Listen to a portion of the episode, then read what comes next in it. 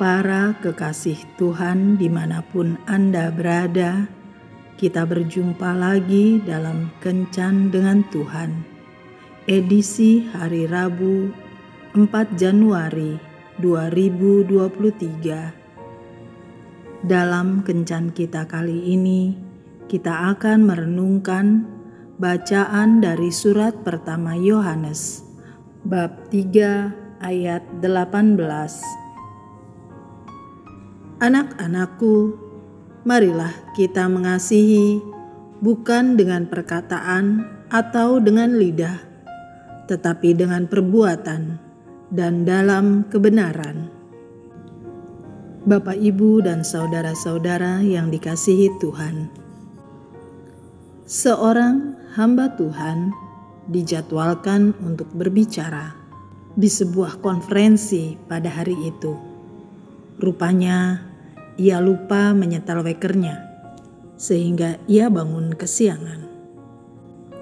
Karena tergesa-gesa, ia pun tergores saat bercukur.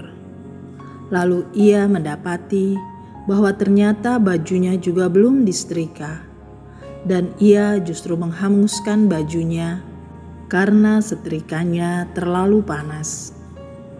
Keadaan menjadi lebih buruk lagi saat ia berlari keluar rumah menuju garasi mobilnya. Ia melihat satu ban mobilnya kempes. Ia pun dengan kesal dan marah mengganti ban mobilnya itu. Ia sudah terlambat satu jam dari jadwal yang telah ditentukannya. Akhirnya ia merasa lega karena ia sudah berada dalam mobilnya dan menuju tempat konferensi.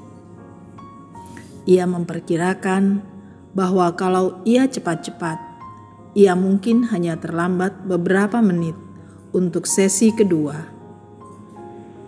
Segera saja ia mengendarai mobilnya dengan kecepatan penuh.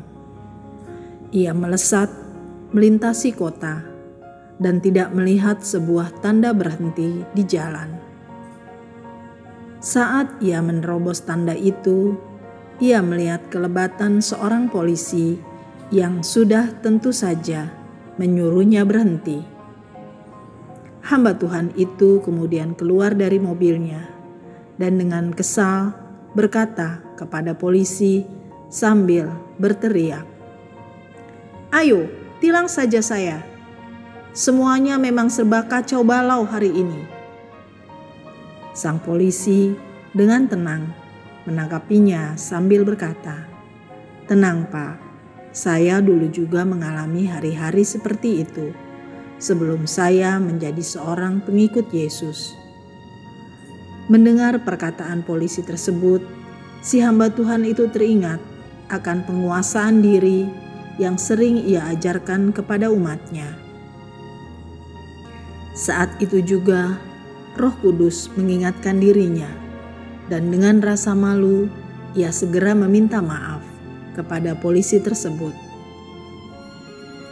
Kesaksian hidup kita sebagai pengikut Kristus bukan hanya pada apa yang kita ceritakan melalui kisah-kisah atau pengalaman hidup kita yang diberkati, namun yang jauh lebih penting adalah pada gaya hidup kita sehari-hari